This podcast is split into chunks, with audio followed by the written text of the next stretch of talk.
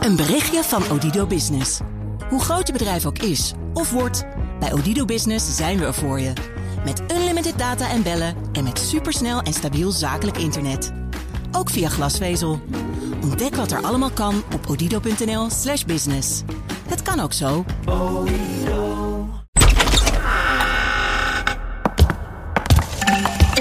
Dit is Nieuwsroom Den Haag van vrijdag 6 augustus. In de studio zitten Thomas van Groningen van BNR, Ulko Jonker, invaller voor een paar weken van de FD-redactie in deze podcast. Uh, ook politieke redactie daar natuurlijk. Trouwens, jij krijgt een nieuwe rol bij de krant, hoorde ik. Oh ja, nou, daar val je me mee. Maar, uh, is wel zo, toch? Ja, dat klopt. Ja. Nee, ik, uh, ik ga... Wel politiek, uh, toch? Ja, het blijft politiek. Het blijft Den Haag.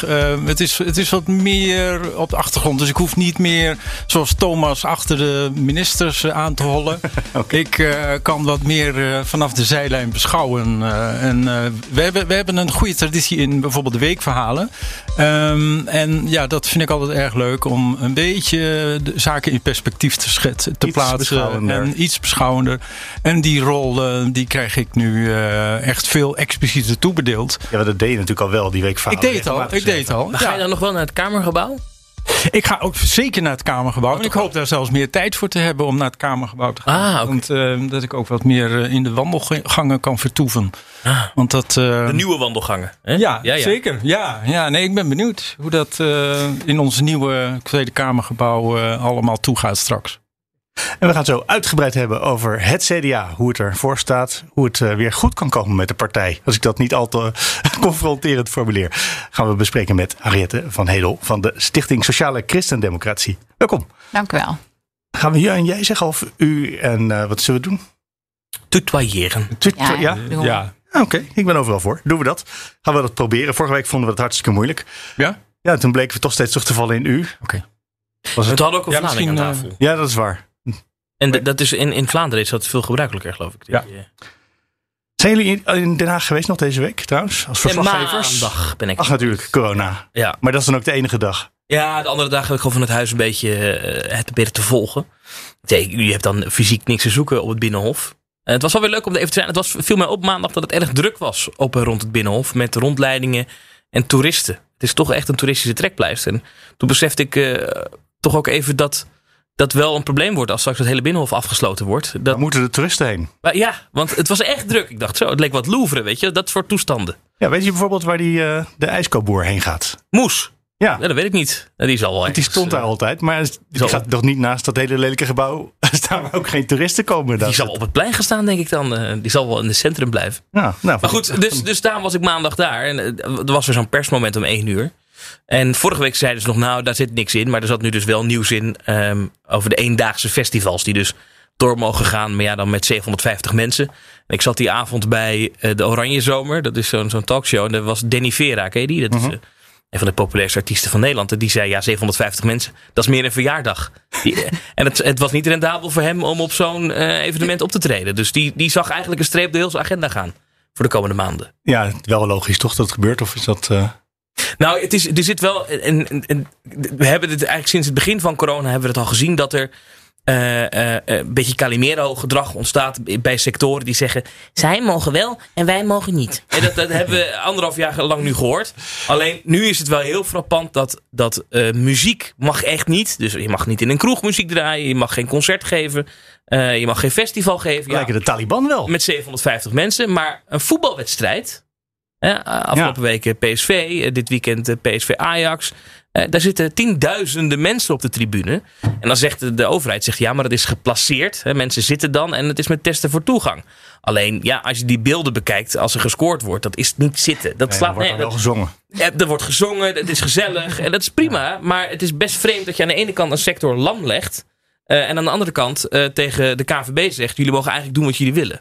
Ja. En ik verwacht dat dat in de komende weken tot een kookpunt zal komen. Zeker als volgende week vrijdag eh, die persconferentie daar is. Waarin we eigenlijk gaan horen hoe Nederland er corona-wise uitziet vanaf september en voorts.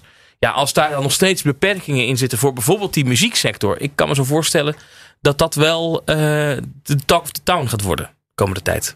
Deze week was er gedoe over het onderzoek naar eh, de moord op Pe- Peter R. de Vries. Dat dat niet onafhankelijk zou gebeuren. Heb je daar nog iets mee gedaan? Of is dat uh, algemene redactie? En ik heb er niet zoveel mee gedaan. Nee, ik heb ook niet zoveel mee gedaan. En um, het is, ja, ik, ik, ik, ik, heb een beetje het gevoel dat dat een achterhoedegevecht is hoor. Ik bedoel, ik heb, uh, als je naar uh, iemand als Chibi Jouwstra kijkt, die heeft toch. Uh, ja, een, een, uh, niet alleen een reputatie, maar ook wel, wel een, uh, een track record waarin je kunt zeggen dat hij heel goed onafhankelijke onderzoeken kan doen. Ja, ik, ik, ik, ik snap ook wel de kritiek erop, maar ik, ik, ik denk dat, uh, dat Grapperhaus terecht zegt van laten we het nou maar zo doen. Ja, en het andere, ook bij Grapperhaus, we gaan, het is echt een thema-aflevering over het CDA. De landsadvocaat, die toch steeds meer onder vuur ligt. Hè? Het kantoor, van het advocatenkantoor, Belzerijken. Uh, waar het FD ook heel veel over geschreven heeft. Dat mhm. was jij misschien niet. Dat waren meer. Uh, ja, ik wat minder. Nee, klopt. Ik, ik kom natuurlijk de landsadvocaat kom je regelmatig tegen in allerlei uh, procedures. Ook als je het over de Belastingdienst hebt of over de toeslagenaffaire. Er zijn allerlei zaken waar de landsadvocaat voorbij komt.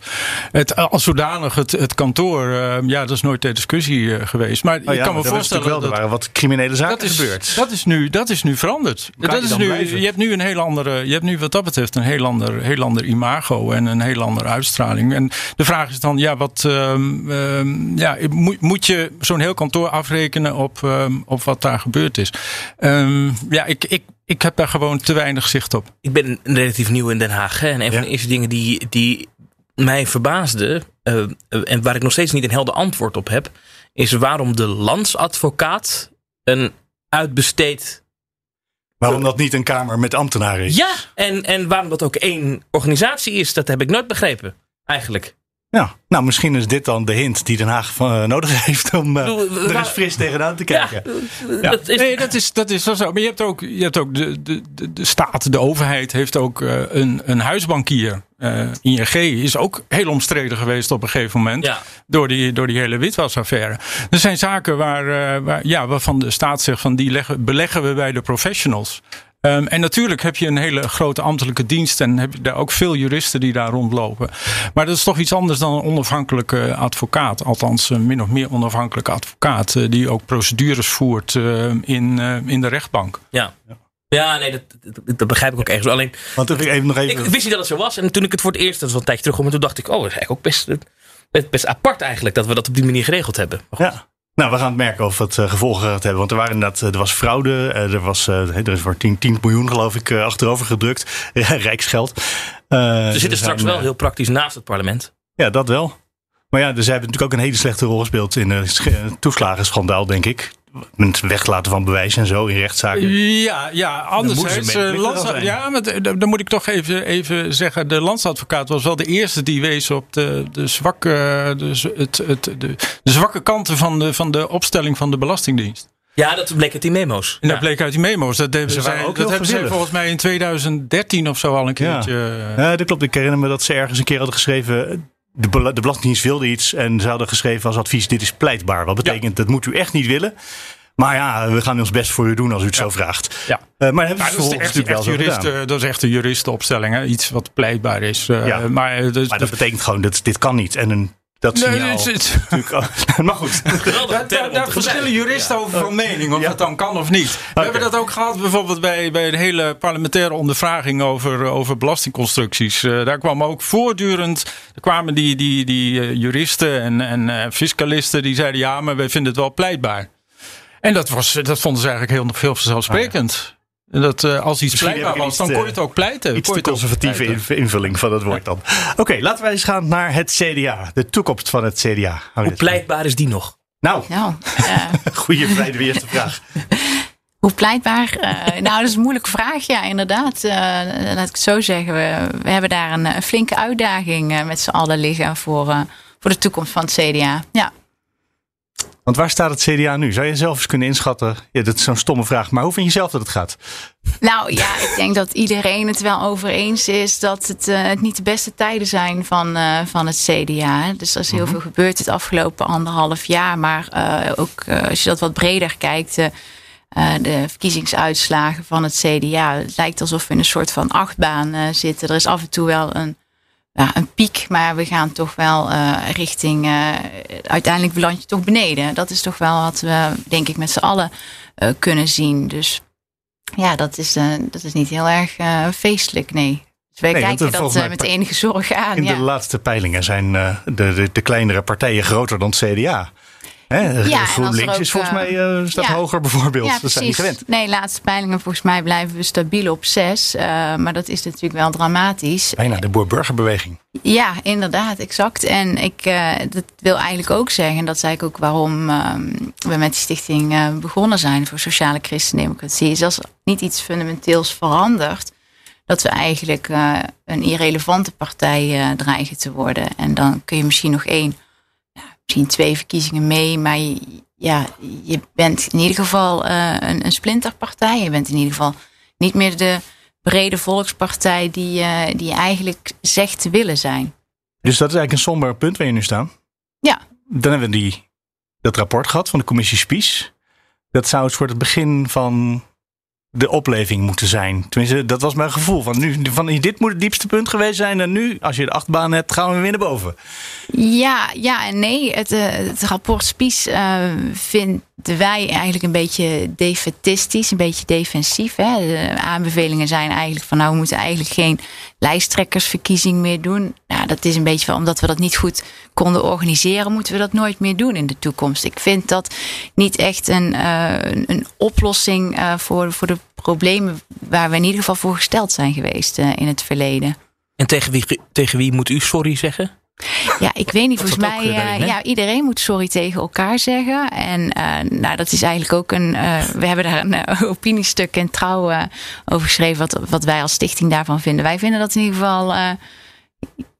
ja, ik weet niet hoe ik het vriendelijk zou moeten zeggen. Nou, zeg maar, maar ik, ja. ik, vind dat geen oplossing voor het probleem. En ja, dat, het is ook een beetje kinderachtig om, om dat zo, zo, zo neer te, te zetten. Maar wat misschien interessanter is, uh, is, is wat er daarna is gebeurd na dat uh, rapport Spies. Is namelijk dat, en dat is wel een zorg die we hadden. Um,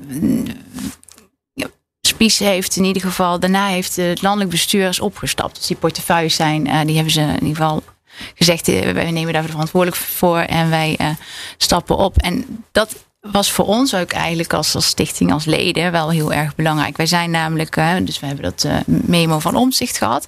Uh, zeker die eerste acht pagina's waren fundamentele kritiek. Heel veel leden herkenden zich gewoon in die fundamentele kritiek.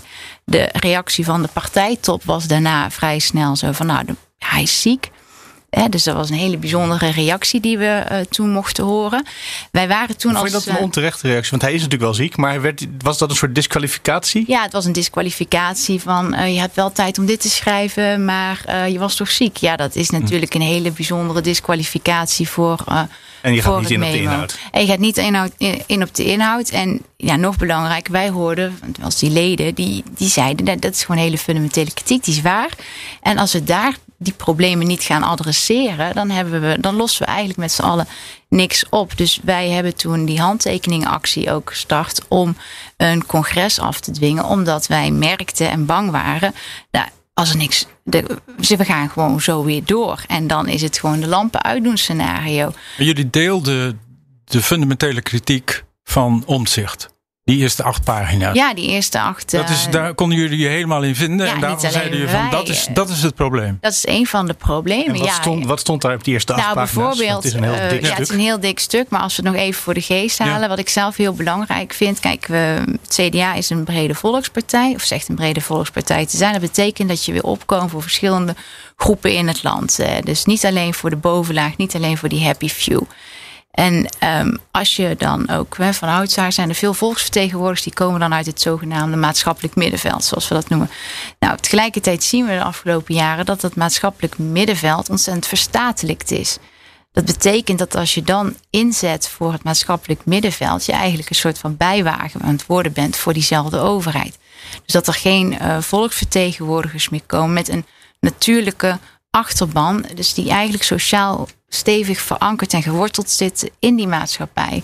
En ik denk dat dat een van de ja, belangrijke zorgpunten zijn. Daarnaast zijn er andere tal van punten van zorg die we ook delen. Is namelijk dat regels niet worden nageleefd binnen het CDA. Dat is natuurlijk ook pijnlijk dat je allemaal reglementen hebt en statuten en die worden uh, niet of nauwelijks nageleefd. En dat, is, dat leidt natuurlijk dan tot de farse dat je extern je profileert op een herstel voor de rechtsstaat, maar je intern in je eigen partij die regels uh, naast je neerlegt. Dus ja, je merkt dat daar um, ja, die kritiek die, die om zich daarin zegt, die, ja, ik heb wethouders, raadsleden die zijn dat is gewoon waar. En dat zijn mensen die 30, 40 of ja, korter um, lid zijn. Dus dat ze, de basis, die leden, die herkenden zich daarin. En dan heb je de top die ja, dat eigenlijk een beetje aan het downplayen is uh, vrij snel. En ja, daarom zijn wij gestart. Nou, tegelijkertijd, ja, dus nu het landelijk bestuur heeft verantwoordelijkheid genomen voor die puinhopen die zich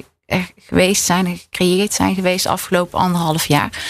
Dus um, ja, daarmee is natuurlijk een beetje die angel eruit genomen. En gaan we nu richting congres. En denk ik dat het daar de belangrijkste vraag zal moeten zijn. Ja, hoe komen we uit die impasse? Hoe zorgen we weer voor hm. een, um, ja, een helder uh, en coherent en inhoudelijk uh, verhaal? Zodat we, uh, een van die punten van kritiek ook van omzicht is, we, profileren ons eigenlijk nauwelijks op de inhoud meer. Hè? Dus um, punt, als je vraagt aan de mensen hier op de straat van goh, uh, het uh, CDA heeft in de coalitie gezeten. Nou, wat maakt het nou dat het, uh, het land er anders uit uitzien omdat het CDA in die coalitie heeft gezeten? Mm -hmm. En mensen kunnen op die vraag geen antwoord geven. Niet alleen leden, maar ook de kiezers niet. Nou, dat maakt ervoor dat je totaal onzichtbaar bent en dat je dus ook eigenlijk, ja, als je onzichtbaar bent op de inhoud, dan gaat het helaas vaker dan over de poppetjes. Nou, en dat is niet per se de discussie die ik zou willen voeren. Heel even, want uh, voor, voor het perspectief, hoeveel mensen binnen het CDA, hoeveel leden vertegenwoordigt u met die stichting? Nou, de stichting, uh, de kerngroep van onze stichting bestaat eigenlijk uit uh, een twintigtal uh, mensen die zijn gestart. Ja. Nou, ondertussen zijn we gegroeid en ehm, hebben we honderden sympathisanten. Maar ehm, ja, ik vertegenwoordig... Is Pieter Omtzigt een sympathisant van uw stichting? Ja, of wij zijn simpel. Ja, dat is inderdaad wel. Dat heeft hij ooit uh, uitgesproken? Of, uh, dat... Nou, hij, hij, hij voelt zich uh, volgens mij, dat is wat ik heb gemerkt in de, ook de lezingen die hij bij ons heeft gehouden in de campagnetijd, voelt hij zich thuis bij het geluid wat wij laten horen. Ja, ja. Nou, hij was bijna het gezicht.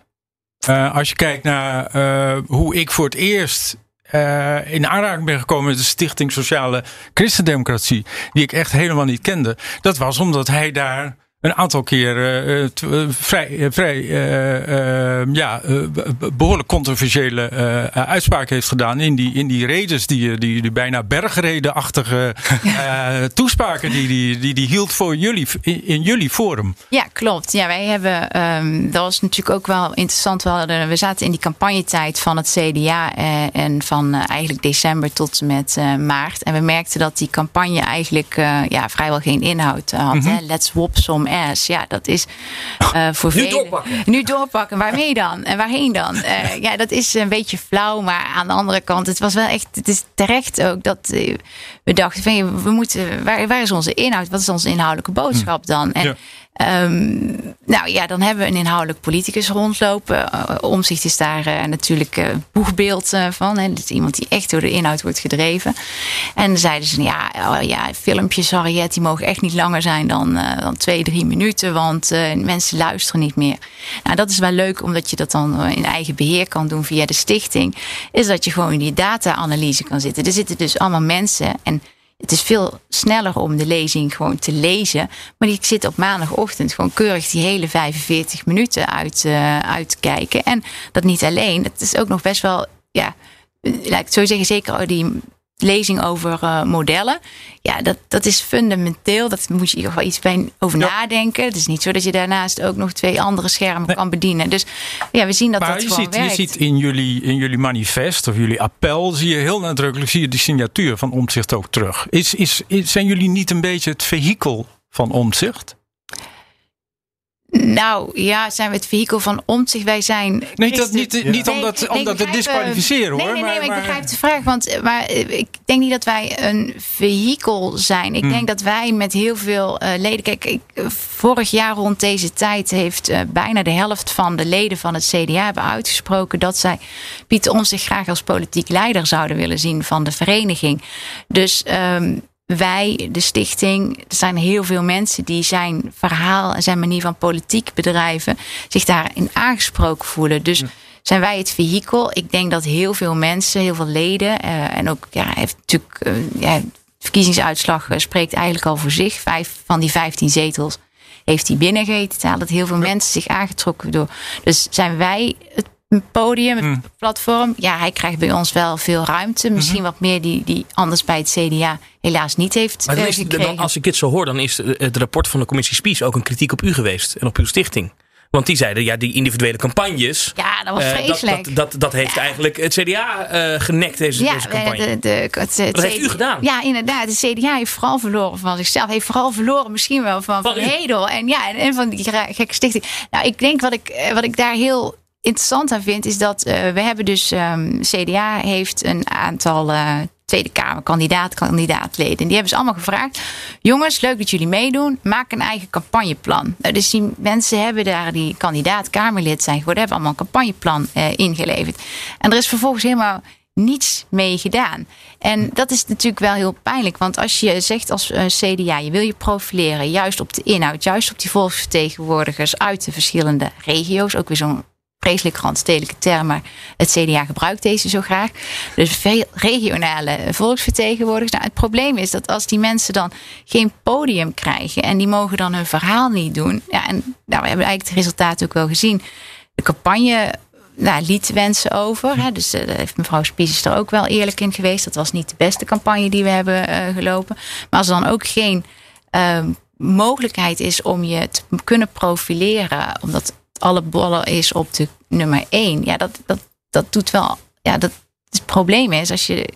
Je kunt niet zeggen we doen veel regionale kandidaten, want we vinden de regio belangrijk om ze vervolgens eigenlijk in die campagneperiode min of meer geen podium te hm. bieden. Dat, ja, ik, je moet een keuze maken. Je doet of het maar is dat echt waar? Want, sorry, maar ik, ik reed op de A27 in campagnetijd. Daar hing heel groot het hoofd van Pieter Omtzigt. Het eerste debat dat er was, dat was het debat van het Noorden. Daar stuurde het CDA Pieter Omtzigt naartoe. Dus het is toch niet zo dat de partij en het campagneteam Pieter Omtzigt nooit een podium heeft gegeven? Nee, ze hebben ook Pieter Omtzigt wel een podium gegeven. Maar wel um, laat ik het zo zeggen, um, er is wat minder podium geweest voor die andere kandidaten. We hm. hebben uh, bijvoorbeeld, uh, ja, kijk van, van nummer uh, 2 tot 15, nou omzicht is dan 2, maar goed, ja, de rest, ja, ik heb ze heel weinig kunnen en mogen zien. En die hebben wel hun, hun stinkende best gedaan. En het was om dan te zeggen, ja, dat lag aan corona.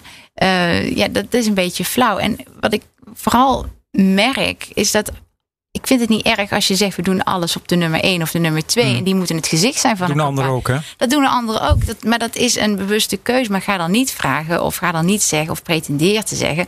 Ah, wij hebben hele sterke regionale kandidaten. Ik vind je moet een keuze maken. Die moet dan coherent zijn. Dus net als met uh, wil je een brede volkspartij zijn ja, zorg dan ook dat dat herkenbaar is. Dat je niet alleen je bezighoudt met politiek die eigenlijk alleen zich richt op die bovenlaag. En, want anders zit je toch een beetje in een restaurant te eten. Je hebt bistro kwaliteit en dan ben je ontevreden en dan voel je je bekocht. We hebben net heel erg gekeken naar Pieter Omtzigt. Bijna alsof hij het probleem was van het CDA. Terwijl ik denk dat hij eerder misschien uh, een aanwijzer is geweest. Want hier zit het probleem. Pieter Omtzigt was niet het issue toch van de partij. Het zit meer dat er in de in het bestuur, de bovenlagen, verwachtingen worden gewekt. En in de leden verwachtingen zijn. En dat die gewoon niet matchen op het ogenblik. Ja, en ik denk ook dat omzicht uh, tegen eigen wil en dank uh, daar de katalysator eigenlijk van, uh, van is geweest. Uh, dat, ehm, en dat hij dus dat ja, het wordt vaak gekoppeld aan de persoon om zich. Maar ik denk dat dat uh, symbool staat voor ja, eigenlijk voor, uh, voor velen en voor dat geluid van velen. Ja. Een van de adviezen uit, de, uit het rapport van de commissie Spies was dat er een discussiepartij moest worden. Het CDA moest dat worden. Er zijn meer partijen die dat van zichzelf vinden.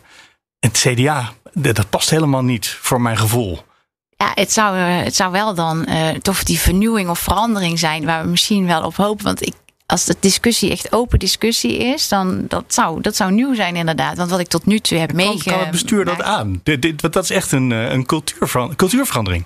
Nou, kijk, een stevig bestuur en een zelfbewust bestuur kan dat natuurlijk aan. En zou dat ook moeten, ja. uh, moeten aankunnen. En dan moet je ook niet bang zijn. Maar wat ik zelf merk in, uh, tot op heden, is dat uh, discussies vaak sterk geregisseerd worden met een bepaalde woordvoeringslijn.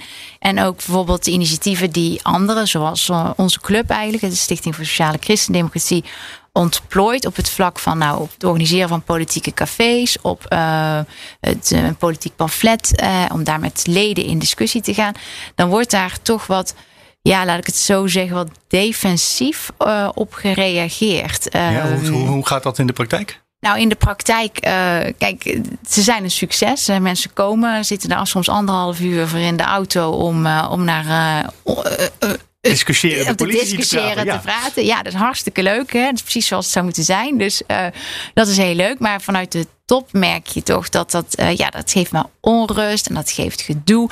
En dat vindt CDA-leden vinden gedoe eigenlijk vervelend. Die houden niet van gedoe, die willen nee. rust. En dan denk ik, ja, maar. Maar uh, is dat waar? Want is dat ook niet een beetje een verkeerd zelfbeeld? Jij zit hier nu ook ja, met ik, ons te praten, redelijk openhartig. Ik denk, ja, rust. Uh, ik, CDA verliest vooral leden aan het kerkhof. Dus dan is rust is leuk, maar dan hebben we wel de rust rustig. van het kerkhof. Ja, en dat is natuurlijk ja. wel vervelend. En zoals ik zei, ja, ik vind juist een zelfbewust bewuste club, daar sta je open voor discussie. Maar Kijk, ik, ik natuurlijk kan het bestuur het aan, is één vraag. Maar de, de, de wezenlijke vraag is natuurlijk, kan de partij het aan? Ik bedoel, het CDA is, is van oudsher een partij die links en rechts verenigt. Die uh, stad en platteland verenigt. Waar uh, ja, de, de, de, de sociale gevoel, het, het linkse gevoel tegenover ook een behoorlijk grote rechtse sentiment staat.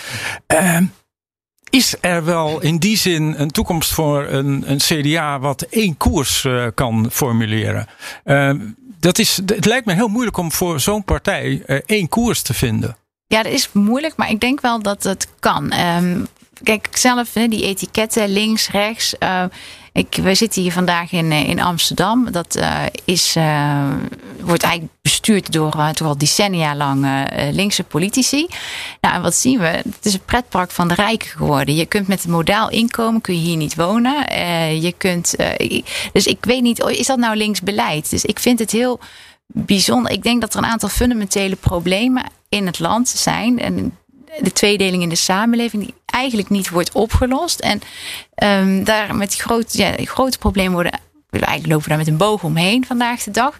En ik denk, het in ieder geval, het CDA is aan zichzelf verplicht. En ik merk ook heel veel mensen die aan de basis staan, die vinden dat ze daar ook groepen, in ieder geval die morele verplicht voelen om daar iets mee te doen. Om daar ook actief de politiek van, van die maatschappijvisie om te zetten in politiek beleid. Hm. Dus ik merk dat daar in ieder geval de ambitie ligt bij de lokale, uh, veel lokale leden. En ik merk wel dat er ja, dat soort, soort van leemlaag soms is binnen het CDA. Hmm. Om dat dan ook om te kunnen zetten in hmm. beleid. Maar als je het hebt over discussiepartijen. Um, wat een echte discussiepartij in Nederland op dit moment is, is de Partij van de Arbeid. Uh, ik dacht dat je ging zeggen bij één. Maar, uh. Nou, bij één ook zeker. Maar de Partij van de Arbeid, de discussiepartij, daar zag je wel dat, dat de leider moest vertrekken vanwege de toeslagenaffaire. Um, als, als het CDA uh, eh, zo'nzelfde discussiepartij was geweest, was Wopke Hoekstra dan nog de leider geweest? Denkt u? Dat weet ik eerlijk gezegd niet. Ik weet ook niet of nu de PvdA uh, met de kennis van nu denkt: Goh, hadden we. Uh, wij zijn misschien wel heel hard geweest voor onze politiek leider. Ja. Dus ik weet niet of ze die discussie ook wel goed geleid hebben. Ik zit niet bij de PvdA, dus heb daar geen inzicht in. Ik weet ook niet of. Um, ja, dit was een, eigenlijk een soort van bruggetje wat ik wilde maken. Is gaat Wopke Hoekstra dat congres op 11 september overleven? Nou, dat, dat, daar ga ik uh, niet, uh, niet over. Ik ben een van de vele leden. Hè, dus, maar als het aan uh, u ligt? Als het aan mij ligt, ja, ik heb daar een particuliere en een eigen private mening over. Maar die heb ik niet namens de stichting. Dus die zal ik hier niet vandaag vertellen wat, wat ik vind van, het, van de toekomst van, van meneer Hoekstra. De stichting heeft daar geen ehm, geen mening over? We hebben over, uh, ik vind, wij vinden eigenlijk belangrijk dat het gaat over de inhoud en minder over de, over de poppetjes en de mensen. Maar hij is inhoud, hè? Want toen die kwam, heeft hij gelijk even het verkiezingsprogramma aangepast. Ja, nou dat is eigenlijk het, een probleem eerlijk gezegd. Want dat is gebeurd op een manier die zelfs mevrouw Spies omschrijft als um, ja, het schuurt met uh, de regels uh, die we kennen binnen het CDA. Nou, dat... Ze heeft het ook weer niet harder opgeschreven dan absoluut noodzakelijk, hè? Ja, exact. En hmm. ik denk dat, uh, laat ik het zo zeggen, die, die verandering in het verkiezingsprogramma ja, daar is denk ik het laatste woord nog niet over gezegd. Nou, niet alleen in het verkiezingsprogramma natuurlijk, nou, helemaal in de stijl ook. Uh, ik bedoel, nu doorpakken, de, de manier waarop uh, Hoekstra zich manifesteerde in die campagne. Um, dat is een heel ander CDA dan, dan het CDA eh, van, van de, de, de sociale naaste liefde en de, de, ja, het, het, de, de zachte en het oorspronkelijke fictiesprogramma, wat, wat ook een heel andere titel had. We helpen elkaar of iets dergelijks. zorg voor elkaar. Zorg voor dat zijn twee totaal verschillende ja, ja, we hebben zorg, sentimenten. Ja, zorg voor elkaar werd nu doorpakken. Uh, ja donkergroen werd lichtgroen. En de foto's die moesten, ja, dat. JFK-stijl. Ja, precies. Een beetje mhm. presidentieel eruit zien. Ja. dat is een beetje wat ik net ook zei. Dan zit je toch wel in een restaurant met bistro-kwaliteit. Het is gewoon, je pretendeert iets wat, wat niet doorleefd is. Mm dat, dat, dat kiezers prikken daar doorheen. En ook. Um, het is niet de juiste manier van campagne voeren. Je moet het op inhoud het verschil weten te maken. En als je geen inhoud hebt, ja, dan komen. Maar hij had toch wel inhoud? Hè? Hij had het over. We moeten. Eh, de, huishoudboekje moet op orde blijven voor de komende jaren. We moeten een eerlijk verhaal vertellen. Ook over dat het geld dat we nu uitgeven. dat het later een keer betaald moet worden. Hij had een verhaal over veiligheid. Dat we de georganiseerde misdaad aan moesten pakken. Overigens, met de kennis van nu. Uh, was dat wel interessant. Hij was de enige uh, rijstrekker die daar vaak over begon. Mm Drie maanden later werd uh, uh, Peter de Vries vermoord op straat. Maar goed, um, dat was toch ook een inhoudelijk verhaal? Nee, dat was ook wel inhoud. Alleen het probleem is als je uh, verder heel veel schaatsfilmpjes opmaakt en die, uh, en die doen maar, maar door. Ja, nee, klopt. En het is ook zo foutjes gebeuren en dat is, uh, dan, dan, je moet daar ook mild in zijn. Maar het probleem is ook dat je dan het hebt over de WW. er, zijn, er zijn een aantal dingen gebeurd in die campagne die we toch wel kunnen zeggen met z'n allen nu. Maar dat ook, heeft ook mevrouw Spies vriendelijk opgeschreven. Had niet zo moeten gebeuren. En dat, dat, dat is iets maar ik denk, um, als we teruggaan naar de basis. Het is eigenlijk heel bijzonder dat als je een nieuwe lijsttrekker hebt, dat je dan een ander verkiezingsprogramma uh, krijgt. En, en dat je dan op een manier die schuurt met onze eigen regels, uh, dus bestuursamendementen daarin uh, in fietst. En dat, dat is eigenlijk niet goed. En dat is natuurlijk heel bijzonder dat dat gebeurt. Nou, de mensen die daarvoor verantwoordelijk zijn, die hebben daar hun conclusies aan getrokken aan dat rapport. Dus dat is opgelost. En nu is het van belang dat, ja, dat er mensen komen die dus eigenlijk die koers, die inhoudelijke koers van het CDA bewaken. Dat we eigenlijk dit nooit meer gaat gebeuren bij het ja, CDA. Zegt nu degenen die daarvoor verantwoordelijk waren, die, hebben, die, uh, die, die, zijn, uh, die zijn afgetreden of teruggetreden, behalve één dus. Degene die aan het hoofd stond. Hoekstra zelf. Hoekstra zelf. Die, heeft daar, die, heeft daar, die heeft daar geen verantwoordelijkheid voor genomen tot nu toe. Nee. En dat moet wel gebeuren, vindt u? Nee, ik vind niet dat hij. Um, ik, ik heb nou, geen. in de zin van verantwoordelijkheid afleggen in ieder geval. Want ja, zelfs dat, precies. Zelfs ik, wat dat ik, wat ik, wat uh, hebben we niet gezien. Ja, precies. Wat ik, wat ik denk dat ik nog mis bij. Uh, maar dat, dat is, we hebben een congres en ik verwacht eigenlijk dat meneer Hoekstra daar zelf ook wel iets van zal zeggen en van vinden. En, um, en daar ook ja, een eerlijk verhaal heeft richting al die leden. Mhm. En um, ja, dat, dat, is niet per se. Ik, kijk, het wordt geen beltjesdag, daar zijn we ook helemaal niet op uit. Dat, dat, dat is al, het bestuur is weg. We moeten nu ervoor zorgen dat daar um, de juiste mensen komen. En maar vooral ook dat daar een een, een lijn bewaakt wordt, een inhoudelijke lijn van het CDA. Zodat het als mensen op de straat bevraagd worden van goh, het CDA zit in de coalitie, wat merk ik daarvan? Dat ze in ieder geval twee, drie dingen kunnen noemen. Zeggen van nou, het land ziet er anders uit uh, omdat het CDA aan tafel zit. En ik moet eerlijk zeggen, ik ben daar bezorgd over. Want uh, mevrouw Hamer als informateur, wat heeft hij gezegd? Eigenlijk zijn al die middenpartijen het over feitelijk alle dingen wel een beetje eens. Hm. Of dat nou van de VVD tot GroenLinks is. Dat wil zeggen dat jij ja, krijgt een beetje accentverschil. En, maar dat is het dan. Dat betekent dat als wij hier vandaag zitten en stemmen, het helemaal eigenlijk niks uitmaakt wat we stemmen. We krijgen toch min of meer wel hetzelfde beleid. Is het dan heel erg als het CDA nog wat kleiner wordt en uiteindelijk besluit we zijn er niet meer? Want die partijen lijken zoveel op elkaar. Nou, ik denk dus dat we minder op die andere partijen moeten lijken. En dat we dus uh, vanuit de inhoudelijke uh, agenda. Ja, maar als we de partijen hetzelfde vinden in de praktijk, dan gaat toch niet andere opvattingen aanhangen om dan weer nieuwe kiezers te kunnen van, uh, vangen? Nou, ik vind van wel. Ik vind ja? dat er, ik moet eerlijk zeggen, ik zie een aantal grote problemen in het land waarvan ik denk, daar zouden we als CDA wel wat van mogen vinden. om een voorbeeld te noemen. nou ik heb gisteren nog gesproken met een aantal mensen van, het, uh, van de KBO, Katholieke Bond van Ouderen, is vrij groot in het, uh, in het zuiden. Uh, die maken zich zorgen over hun pensioen. De afgelopen twaalf jaar zijn de pensioenen niet, niet geïndexeerd. Dat betekent dat er een hele grote groep ouderen ruim 20% minder is gaan verdienen. De koopkrachtdaling. dat, dat is gigantisch. Dat is echt heel veel. En het is een, een moeilijk, complex probleem. Hè. Dat, oh, dat zou de PvdA op kunnen pakken als het CDA er niet meer is. Ja, maar dat, ik, ik ben een christendemocraat. Ik ben geen sociaaldemocraat. Ik vind dat de christendemocraten hiermee aan de slag moeten. Ja, ja, nee, dat snap ik. Ik snap dat zolang het CDA er is, dat je zegt wij moeten daarmee aan de slag en er iets van gaan vinden. Juist, ja. Maar zou het land echt iets missen als het CDA er niet is. Want eigenlijk, dat heb je net een paar keer gezegd, als mensen op straat vragen wat doet het CDA, waar staat het voor?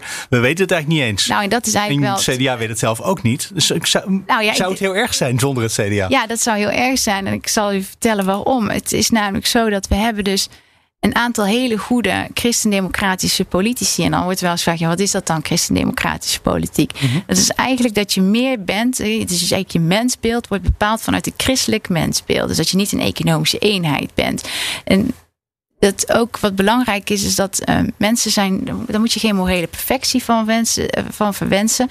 Het zijn, ja, de, de, de grens tussen goed en slecht gaat door ieders hart. En dat wil eigenlijk ook zeggen, dus dat je als je van politici, dat ze goede politici zijn, moet je ze dus ook controleren. Dan moet je ze zorgen dat er tegenmacht georganiseerd wordt. En ik vind het dus echt belangrijk dat er ook een, een christendemocratische politiek blijft en een christendemocratische politieke stroming. We hebben. Um, we hebben lokaal in die afdelingen echt heel veel talent zitten. En ik denk dat het belangrijk is dat we ons op die inhoud bezighouden. Bijvoorbeeld ook uh, onderwijs. Nou, D66 is natuurlijk de onderwijspartij. Maar de afgelopen tien jaar zijn we met z'n allen. Althans, met z'n allen is overdreven, maar zijn mensen op het lager onderwijs slecht te gaan lezen en rekenen. Dat betekent dus dat um, 15, 16-jarigen, 20% van de 15, 16-jarigen die school verlaat, eigenlijk analfabeet zijn. Dat betekent dat die uh, zich niet staande kunnen houden in de maatschappij. Ja, ik maak me daar zorgen over. En ik hoor daar uh, weinig over. Dan komt er wel nog net voor de verkiezingen komt daar uh, demissionair, wordt er dan nog wat geld tegen aangeflatst. Maar dat is, dat is niet hoe je het probleem oplost. Want het curriculumpunt nu gaat gewoon door. Weer een grote curriculumwijziging in het onderwijs. Wanneer gaan we ons weer eens bezighouden met een aantal van die grote problemen? Ah, en ik denk dat dat goed zou zijn als dat een brede volkspartij zou... doen en dat CDA dat gaat doen. Ja. Is, is het überhaupt nog mogelijk om brede volkspartijen in Nederland van de grond te krijgen? Ik bedoel, we zien, alleen maar, we zien alleen maar, ja, de enige, de laatste overgebleven volkspartij is eigenlijk de VVD. Nee, de PVV zei ik. Nou, zo kun je het ook noemen. Dat is toch, een, ja. dat is toch echt een volkspartij? Ja, ja je kunt ook zeggen dat. Eh, kijk, wat natuurlijk. Maar goed, dat is, een, dat is misschien een beetje een zijlijn. Maar wat, wat, wat, wat Rutte laatst in de Kamer zei, was van ja, als je voor het grote bedrijfsleven. Als je daarvoor wil komen, moet je bij het CDA zijn. Dan moet je niet bij mij zijn. Uh, Rutte profileert zich veel meer als een man van het volk. En als je kijkt naar het CDA, Bobke Hoekstra, een McKinsey-man. Uh, die ergens in, in, in een villa in Bussen woont. als je nu kijkt naar Marnix van Rij. Uh, ook uh, in dezelfde categorie, uh, uit, uit Zuidasman. Um, dan, dan, dan is dus echt de vraag van... heeft het CDA nog, nog enige... ja, die, die roots, zijn die er nog? Vergeet die donateur nog trouwens? Die voorzitter was van ja, en de donateur. Ja. Van de commissie Fondsenwerving. Heet die meneer ja. ook alweer? Ik ben zijn naam even kwijt, maar... Die een miljoen had gedoneerd aan de campagne. Ja, meneer Van de Wind. De volks, ja. hoe, hoe volks is het CDA? Hmm.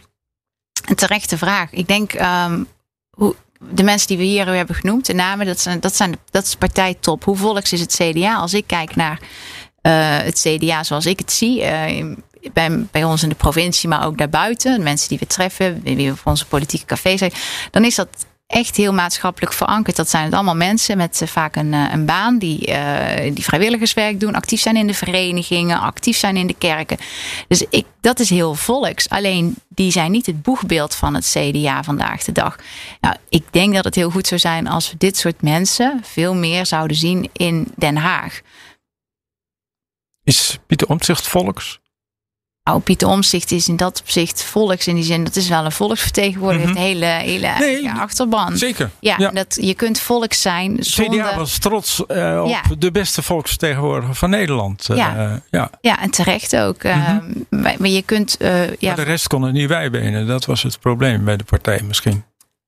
Ja, en ook anderszins, kijk, waarom is Omzicht zo populair? Kijk, wat ik interessant vind aan, um, aan omzicht is en waarom die ook zo populair is, die houdt zich bezig met echte problemen van echte mensen. Um, voorbeeld te noemen, uh, begin 2020 stelt hij vragen in de Kamer over uh, het coronavirus. Hij ziet en merkt, worden mensen in Noord-Italië worden er ziek. Hij stelt daar vragen over in de Tweede Kamer. Het is serieus, het komt naar ons toe. Wat, wat, voor acties ga je noemen? Dit soort vragen zijn verder alleen nog maar ook gedaan door de populisten. Hè? Dus uh, op dat moment uh, Wilders en Baudet, die hebben daar vragen over gesteld. Wat doet de Kamer? Een Kamer die neemt moties aan over je moet geen flauwe grappen of racistische grappen maken over Chinezen. Nou, Daarvoor heb ik geen volksvertegenwoordiger in de Tweede Kamer zitten. Want dat weet ik ook wel, dat het een racistische grap niet kan. Het, het is gewoon, het niveauverschil is zo ontzettend groot. Dus je hebt enerzijds heb je politici die zich daarmee bezighouden. En anderzijds zijn we in de Kamer bezig met dit soort ja, flauwigheden. En ik denk dus dat het probleem is veel breder. En dat is ook een inhaalslag die we als CDA moeten gaan maken. Uh, die, dat is niet, niet even een quick fix, uh, zo gezegd, in het CDA. Nee. Er is een vrij breed sentiment in de partij hè, om, om te zeggen van we moeten, we moeten omzicht weer aan boord halen. We moeten, we moeten de hand reiken aan, aan Pieter en we, moeten, we kunnen niet zonder hem verder. Is dat, deel je dat uh, gevoel? Nee, dat gevoel deel ik niet. Ik deel, ik deel niet het gevoel we kunnen niet zonder hem verder. Hm. Ik, uh, ik denk wat, ik, wat het wezenlijke probleem is, is als het CDA geen thuis is en, en de facto het werken onmogelijk maakt van mensen van het kaliber als omzicht, dus volksvertegenwoordigers zoals hij, dan heb je als CDA gewoon een probleem en dan moet je dan zelf eerst uh, veranderen. Uh, hem terughalen, zo gezegd, binnen de partij, dan hebben we hetzelfde probleem. Dat lost niks op. We moeten eerst het CDA veranderen. Ik, we vinden ook echt dat eigenlijk het ja, het CDA omzicht heeft verlaten in plaats van andersom. En um, als we dat breder trekken naar ook die tendens waar onze verkiezingsresultaten op neerkomen, dan denk ik dat het CDA al een tijdje um, aderlatingen heeft gedaan in, in kwalitatief hele goede mensen. Want we bereiken dat niet meer. En ik weet dus ook, ik zie mensen ook vaak dan spreken die zeggen van nou, we moeten weer terug naar die tijd van Balken en de Balken en de 1 en Balken en de 2. Maar als je dan gaat kijken naar het succes van Balken en dat was niet alleen dat hij een uh, apolitiek er op dat moment uitzag. Of dat hij een, maar dat, over waarden en normen sprak. Maar ook omdat er een heel stevig wetenschappelijk instituut achter zat op dat moment. In, in die jaren was er gewoon een wetenschappelijk instituut. En dat schreef gewoon iedere drie, vier maanden kwam er een stevig rapport. En daar kon je dan ook praktische politiek mee bedrijven. Hm. Nou, dat is wat ik ook het probleem is van het CDA. Dat zonder de mensen overigens die er vandaag werken tekort willen doen. Maar dat niveau is er niet, omdat die mensen hebben veel minder budget, hebben veel minder mensen rondlopen. En ja, dat betekent dus ook dat die politici op dit moment een beetje aan het rondzwemmen zijn. Van, dus die moeten geholpen worden ook met, met inhoud. Ik mag van de baas eigenlijk geen als-dan vragen meer stellen, maar ik doe het toch even. Uh, als Hugo de Jonge nou niet was opgestapt en lijsttrekker was gebleven. We, we, hebben geen glazen bol, we kunnen niet in de toekomst kijken. Maar wat denkt u? Had de partijen dan nu anders voorgestaan? Ja, dat weet ik eerlijk gezegd niet. Kijk, ik denk het niet. Um, wat ik zelf bijzonder vind aan die hele lijsttrekkersverkiezing is het volgende. Het bestuur stelt, uh, in ieder geval kiest Hugo de Jonge. En normaal gesproken, ja, 80, 90 uh, procent. Uh, het is eigenlijk heel bijzonder dat, uh, dat er dan zo'n close call is. Normaal gesproken is er eigenlijk geen ja, close call. 2 procentpunt of zo, dat is heel ja, weinig. Ja. ja. maar normaal gesproken is dat niet. Maar normaal gesproken bestuur wordt gevolgd binnen het CDA. Dus, dus, dus wat het heel interessant is, is ook om dus te kijken van goh, hoe komt het dat het bestuur er eigenlijk een beetje naast heeft gezeten wellicht want uh, normaal gesproken heb je een veel breder mandaat als, uh, als lijsttrekker. Oké, okay, wat, had het, wat had het bestuur moeten doen toen op dat scherm verscheen uh, Hugo de Jonge rond de helft en iets minder uh, Pieter Omtzigt. Hadden ze toen moeten zeggen, hier grijpen we in? Nee, niet per se ingrijpen, maar wel heel duidelijk van kijken van welke twee verschillende mensen. En ga dan iets doen. Het heeft een tijdje heeft dat nog running mate ge, uh, geheten. Ja, ja. Maar dat werd geen invulling gegeven. En dat is een probleem. Dat wilde hij zelf ook niet meer, hè? nee, uiteindelijk is dat ook omdat het geen invulling is. Dan het van, oh, je bent een running mate. Maar ja, wat houdt het dan in? Nou, daar wist niemand antwoord op. Ja, als je iemand running mate noemt. Of, maar het maakt niet uit hoe je het noemt. Maar, want we ja. hebben helemaal geen running mate. We zijn niet in Amerika. Dus dat was ook weer zoiets van, wat gaan we hier doen? Maar het probleem is, je moet die mensen, en zeker uh, als het twee totaal verschillende personen zijn. Mm. Met een uh, verschillende um, persoonlijkheid, maar ook een andere manier van politiek bedrijven. Betekent dat, en je kunt dus prima dan verschillende doelgroepen gaan aanspreken. Uh, want beide heren hebben kwaliteiten. Alleen dat is niet gebeurd. En ja, dat is natuurlijk. Um, ja, daar moet dus eigenlijk iedereen sorry voor elkaar nu tegen zeggen. Ja, dat, dat denk ik. Ja, dat, dat denk ik. Maar het ging eigenlijk al een half jaar eerder mis, of een jaar. Nou, Want iedereen dacht dat Wop Koekstra de lijsttrekker ging worden. Wat uiteindelijk ook bleek uit te komen. Ja, uh, maar die vond niet genoeg steun. En die voelde niet dat hij in één keer ja zou horen. Ja, en het is, nou ja, het is ook wat wat ik daar eigenlijk ook van vind, is van. Uh, dat is allemaal weer op die poppetjes. En het gaat al veel langer mis met het CDA op de inhoud. Uh, en dat is eigenlijk mm. iets wat, wat denk ik interessanter is om, om je daar ook op te richten. Want uh, kijk, die, de mensen die, die veranderen. Hè, in die zin van uh, het CDA heeft een langere traditie en we bestaan en we bestaan. We weten nu niet hoe lang we nog gaan bestaan. Maar over, over twee, drie, tien jaar zou er ook nog christendemocratie moeten zijn. Maar daar gaat het niet per se om, om de partij. Het gaat erom hoe wil je dat het land er over vijf jaar uitziet? En hoe wil je het land dat er over tien jaar uitziet? Die inhoudelijke crisis, uh, dat duurt wel even voordat je dat oplost. En in maart zijn de verkiezingen, gemeenteraadsverkiezingen. Ja. Hoe, hoe, hoe, groot, hoe groot is de vrees bij u? Ja, heel groot. Zes uh, zetels in de peilingen. Dat betekent dat er. Uh, ja, dat vind ik echt heel erg. Want ik zie dus wethouders, gemeenteraadsleden die ontzettend goed hun best doen, maar ook gewoon echt heel goed zijn in, in wat ze doen. En ook uh, op draagvlak kunnen rekenen bij de lokale bevolking. Maar je krijgt een tik van het landelijke wat moet, er, wat, wat moet er gebeuren om die schade nog enigszins te beperken? Nou, er zijn verschillende manieren waarop je zou kunnen doen. Maar er zou in ieder geval... Um, we moeten de pijn nemen. Want doen alsof er niks aan de hand is. Nou, dan uh, de, de, kiezer gaat, uh, dat, gelooft dat ook niet. En terecht ook niet. Dus er moet... Um, nu moeten we in ieder geval, zou, zou ik zou zeggen... van, goh, er moet echt duidelijk een signaal maar ook verandering komen van de partij, van de partijcultuur. Want of je moet echt ook als. En dat lukt toch niet in een, in een halfjaartje? Nee, maar nee, misschien. Nou, in dat geval moet je dan als lokale afdeling dus gaan zeggen: wij moeten dus totaal het verschil, wij moeten ons kunnen profileren en onderscheidend zijn van het landelijke. Nou, en dat is voor heel veel lokale afdelingen best een, een opgave, zo gezegd. Want die mensen die komen dan, die staan op de flyer op de markt. Nou, u weet hoe dat gaat. Ja, maar die mondkapjesdeal. Ja, maar die fluistercampagne. Ja, maar die lijsttrekkersverkiezing. Uh, het is zomaar een corrupte... Ja, ga er maar aan staan als lokale politicus. Maar eh, als je kijkt naar uh, jullie eigen CDA Brabant... is het natuurlijk naar de kiezer toe ook niet echt een overtuigend verhaal geweest. Eerst met Forum voor Democratie in een college... en nu weer een uh, brede middencoalitie. Uh, u bent zelf volgens mij bestuurslid in, van CDA in Brabant.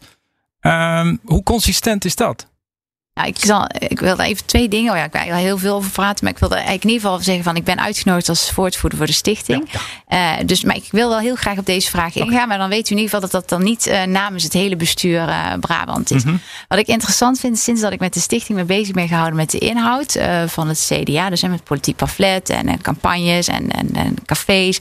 En ook dat ben gaan uitwerken. Heb ik op internet een hele ja, een serie van uh, ja, zogenaamde CDA-watchers met een heel actief Twitter-account. Die hebben gezegd: Ja, maar u bent lid van het CDA-bestuur in Brabant. En dus, nou, dan komt altijd iets met een boreale theorie. en dat wordt mij dan links of rechts aan, aangevrezen. wat leuk is, dat die mensen eigenlijk hun huiswerk niet helemaal goed hebben gedaan. Want ik ben sinds november 2020 pas bestuurslid. Dus ik heb in de hele constellatie en bij het maken van de coalitie hmm. van met Forum um, ben ik daar niet bij betrokken geweest. Maar wat ik veel interessanter vind, ik vind dat het niveau van de discussie wel wat omhoger uh, mag. Want het gaat dan heel vaak over, ja, um, nou, inderdaad, uh, die boreale theorieën van. Waar, laten we eerst even kijken van waarom is eigenlijk überhaupt die, um, die coalitie er gekomen. En daar hoor ik eigenlijk niemand hm. over in de media. Dat heeft ook eigenlijk weinig media-aandacht gekregen. We hebben in eh, we zaten eerst de CDA samen met VVD, D66, uh, GroenLinks, PVD. Allemaal hele salonveege coalitiegenoten zaten wij in een, uh, in, in de club daar in het provinciehuis in Den Bosch.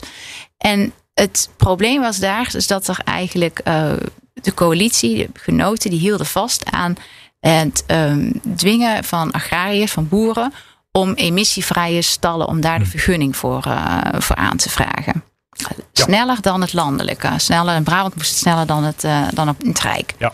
Nou, probleem is uh, dat uh, maand daarvoor had het CBS op basis van de data gezegd, in twee, was oktober 2019, de emissievrije stallen, die hebben eigenlijk nul tot geen effect hm. op die reductie van de stikstof. Dus wij hadden, maar die coalitiepartijen die wilden daar aan vasthouden. Dus we hebben dan, wat heb je dan eigenlijk de hele concrete situatie? Dat die salonveege uh, coalitiepartijen die wilden per se iets doen wat geen zin heeft voor, de, uh, voor, voor het milieu, voor het klimaat. Hm. En tegelijkertijd, voor een boer, voor een agrarisch ondernemer, is een. Ja, is het zo'n emissievrije stal en ook een vergunning aanvragen. Dat is niet alsof je een vergunning voor je dakkapel vraagt. Dan moet je areasberekening doen. Dat zijn investeringen van 10 tot ja, honderdduizenden euro's kan dat, uh, kan dat zijn. Dus gewoon heel ja, redelijk wijs is dat een hele bijzondere constellatie. Zij hielden eraan ja. vast. Mocht wel twee of drie maanden uitstellen. Maar coalitiepartij, met name D66, wilde daaraan vasthouden.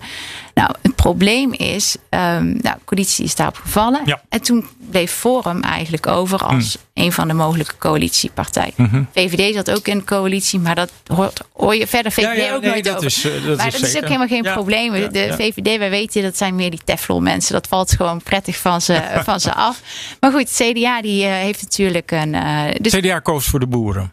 Ja, dat is ook weer zo heel interessant. Want ik vind dat het pro-boer of tegen-boer. Ben je trots ja, op je boer? in ieder geval de boer niet opzadelen met die, uh, nou, met ja, die linkse ik hobby. Vind, ik vind heel eerlijk gezegd dat boeren, net als wij als burgers, gewoon ook recht hebben op een rechtvaardige en een eerlijke overheid. Dus waarom zou je van boeren uh, verwachten dat ze iets gaan doen wat niets bijdraagt? Dat, dat, dat, is niet echt heel motiverend om iets te doen. Bovendien ondergraaf je ook alle draagvlak voor al het andere toekomstig wetgeving of regelgeving die wel misschien gericht is op stikstofreductie, als je dat zou willen.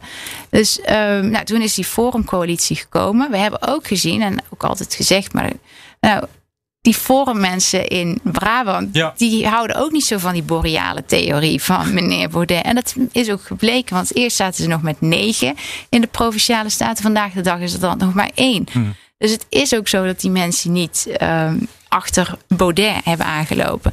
Maar goed, uh, met Forum is wel ook uh, de stikstof aanpak veranderd in Brabant. Is dat anders geworden. En nu is er weer opnieuw gevallen. Omdat dus inderdaad uh. Forum toch geen betrouwbare coalitiepartner bleek. Die mensen ook niks meer met Forum te maken ja. wilden hebben. Zijn uitgewaaid over jaar 21. Uh, Lijst Smolders, noem het allemaal maar op. Nou, en terug bij af. Uh, nu hebben we weer een, uh, een fijne regenboogcoalitie in met allemaal salonvege partners. Alleen iedereen die denkt, of uh, althans hoor je in de media vaak van goh, ja, dat CDA, dat zijn wel die mensen die dat hebben gefaciliteerd. Hm. En ja, ik vind dat niveau van die discussie vind ik eigenlijk wel een beetje, ja, ah, ik vind het een beetje jammer eigenlijk. Ja. ja. En het, het stikstofbeleid is uh, van de vorige coalitie is veranderd. Ja, inmiddels. ja dus, dus het is een geniale move geweest. Nou ja, zo zou ik het niet willen noemen. Want ik moet heel eerlijk zeggen, ik denk nou, dat... Je voor de... ik grashof af. Ja, dat, toch, daar hadden jullie toch last van daar in Brabant? Ja, daar hadden we last van. Nou ja, nee, ja, last is niet. Kijk, wat het Grashoff, is. help me even. Uh, ze GroenLinks. Oud GroenLinks-Kamerlid. Maar die was toen, die ja, woont overigens in Zuid-Holland, maar die was toen. Ja, daar, meneer Grashoff heeft dat is een van de weinige gedeputeerden die toen dat hele stikstofdossier gewoon ja, goed beheerste. En die heeft, ja, GroenLinks is geen CDA, dus die hebben andere belangen. We hebben het net even gehad over die, die verkiezingen net in maart. Ja, ik ben daar toch een beetje op gefocust. 11 september is dan dat congres bij het CDA. U zei net, het wordt geen beltjesdag. Uh, maar het wordt neem ik aan wel een dag waarop uh, toch een beetje de koers uitgestippeld moet worden richting ja, die volgende verkiezingen. Misschien dat het ook nog even over die formatie gaat. Gaan we nou wel of niet samenwerken met twee linkse partijen? Uh, kunt u een beetje schetsen wat uw inzet wordt die dag?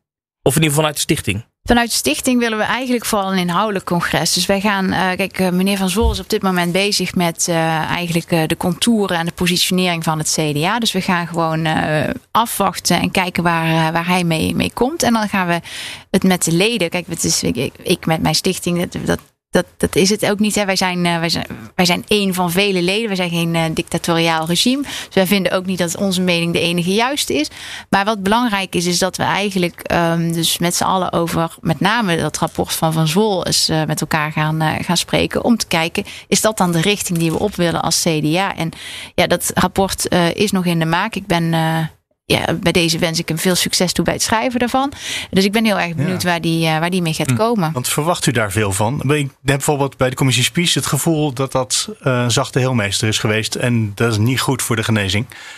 Nou ja, de, het rapport van mevrouw Spies is misschien uh, zacht uh, geweest. Ja. En wij, wij, wij, waren het ook, uh, ja, vonden het ook wel een teleurstellend rapport. Maar tegelijkertijd, de impact is heel goed geweest. Want de mensen die daarvoor verantwoordelijk waren voor die puinhopen zijn er niet meer. Dus, ja, maar met Van Zwol, die nu met, met, de nieuwe toekomst van het CDA. Ja, met Van Zwol moet dat, wordt dat nog afwachten met de toekomst van het CDA. En ook of Heeft hij een positie dat hij zo onafhankelijk kan denken? Want ik denk dat Spies, die zat misschien wel te veel ingenesteld in een, eh, een, stuk van het CDA wat zichzelf moest evalueren. Ja, meneer Van Zwol is voorzitter van het Wetenschappelijk Instituut. Dat is toch een uh, instituut wat, uh, wat met enige afstand uh, tot de politiek dit soort rapporten ja. kan schrijven.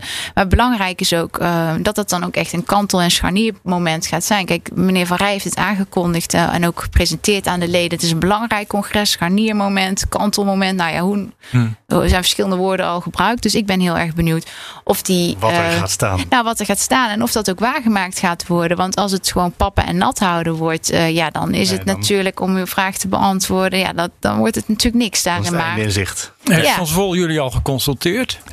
Nee, nog niet. Uh, die Vind je heeft... dat niet gek? Jullie zijn toch een, een vrij stevige stem inmiddels binnen het CDA. Nou ja, dus misschien als hij dit luistert, dan, uh, dan weet hij ons te vinden. Okay. En dan ben ik heel erg benieuwd. Ja, hoor, ik kan bellen, dan geven we je telefoonnummer door. Hè? ja, precies. En die formatie? Uh, hebben jullie een voorkeur voor, voor een, een coalitie waarin uh, onderhandeld moet gaan worden? Nou, ik heb daar een eigen, een zelfstandige mening over, maar niet namens de stichting okay. uh, voor de formatie. Nou, wel een beetje de linkse kant van het CDA, toch? Dat die wat prominenter moet worden. Ja, ik, dat is een beetje wat ik me afvraag wat dan links is. Uh, want ik, nou, ik, ik, het wordt omdat er natuurlijk discussie is over de vraag of je met twee linkse partijen zou kunnen regeren. Nee, ik denk dat je moet gaan kijken naar de inhoud. Van wat wil je veranderen? Wat, wat, ja. wat ga je doen met je pensioenen, met je onderwijs? En dan lijken alle partijen in het midden op elkaar. Dus dan ja, zou je kunnen regeren dus, met VVD ik, tot zou, en met GroenLinks. Ik zou dus verkiezen dat, uh, laat ik het zo zeggen... mijn CDA, zoals ik het graag zie... Ja. lijkt niet heel erg veel op D66 of op de VVD. Mm -hmm. Dus uh, ik wil eigenlijk, en ik, ik, ik zou daar willen pleiten, en dat is ook waar we ons uh, hard voor gaan maken als stichting, echt op die inhoud, op een aantal thema's. Waarvan we denken, nou, zo zou het CDA uh, de verstanden gaan doen en een aantal ideeën, problemen, die oplossingsrichtingen verder uit te denken, om, om daar juist niet te lijken op de andere partijen. Vond u de betonnen zwemvest-opmerking van Rob Koekstra handig? Dat hij wat hij zei over die twee linkse partijen?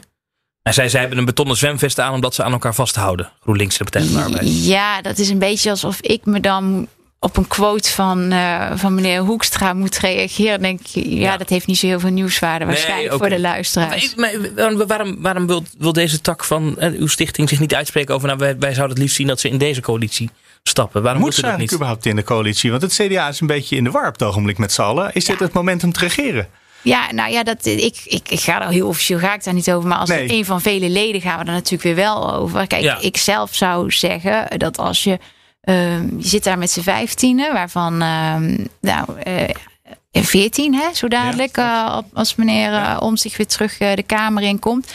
Ja, is die club zo stabiel en is dat ook niet een probleem? Um, en, maar, ja, dus misschien beter niet in de regering? Nou ja, ik, ik ben eigenlijk altijd wel voor, voor deelnemen. Als je namelijk dan op inhoud je mm. kan laten zien wat je gaat doen. Nou, ik heb het de afgelopen drie, vier jaar niet gezien. Maar dat wil niet zeggen dat het er niet nog gaat kan kunnen komen. Nee, maar dan moet, je wel weten, dan moet je weten wat je wilt. Dan moet je weten wat je wil. En zover is het CDA nog niet. Nee, nou, ik heb gezien, en mevrouw uh, Hamer, en ik begrijp ook wel dat uh, naar de bühne en naar de externe publiek je niet alles vertelt wat je gaat willen. Omdat je, dat is natuurlijk ook onderhandelingen. Dus ik begrijp dat. Maar ik vind wel dat het heel duidelijk moet zijn uh, van waar je dan een bepaalde voor. Wat, wat zijn de punten die je dan wil binnenhalen? En zijn dat dan ook de punten waar je juist als brede volkspartij je dan mee kan en wil identificeren? Want ik vind het zelf ook een beetje vreemd dat je iedere vier jaar verkiezingsprogramma hebt. Want eigenlijk zou je continu programma moeten hebben.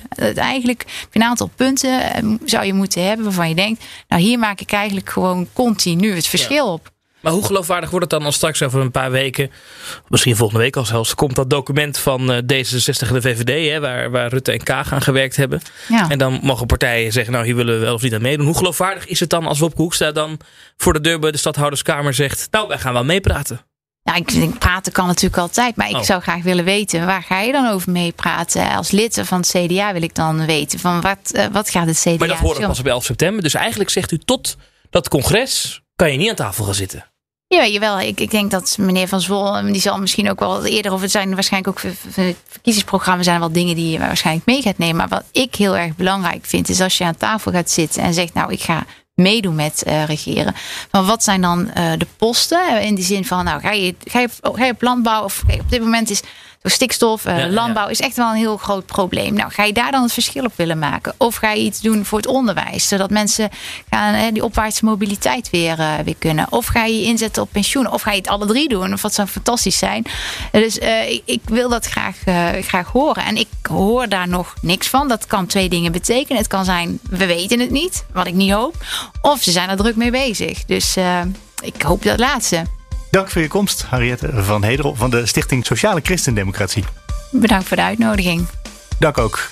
Thomas van Groningen, Ilko Jonker. Volgende week ben je er ook nog, hè? Ja, dat ben ik er nog. Precies, want in deze zomer hebben we bijna elke week een andere combinatie. Maar nu hebben we gewoon twee weken achter elkaar hetzelfde. Ik vond het leuk. Ja, ja, het is leuk. Ja. Het is ook een uh, interessante gast. Dus ja, zeker. Dat, uh, zeker, ja. ja.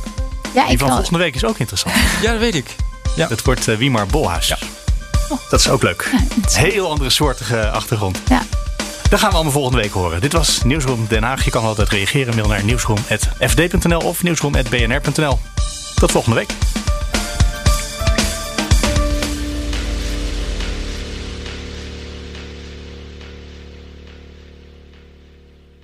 Een berichtje van Odido Business. Hoe groot je bedrijf ook is of wordt, bij Odido Business zijn we er voor je. Met unlimited data en bellen en met supersnel en stabiel zakelijk internet ook via glasvezel. Ontdek wat er allemaal kan op odido.nl/business. Het kan ook zo.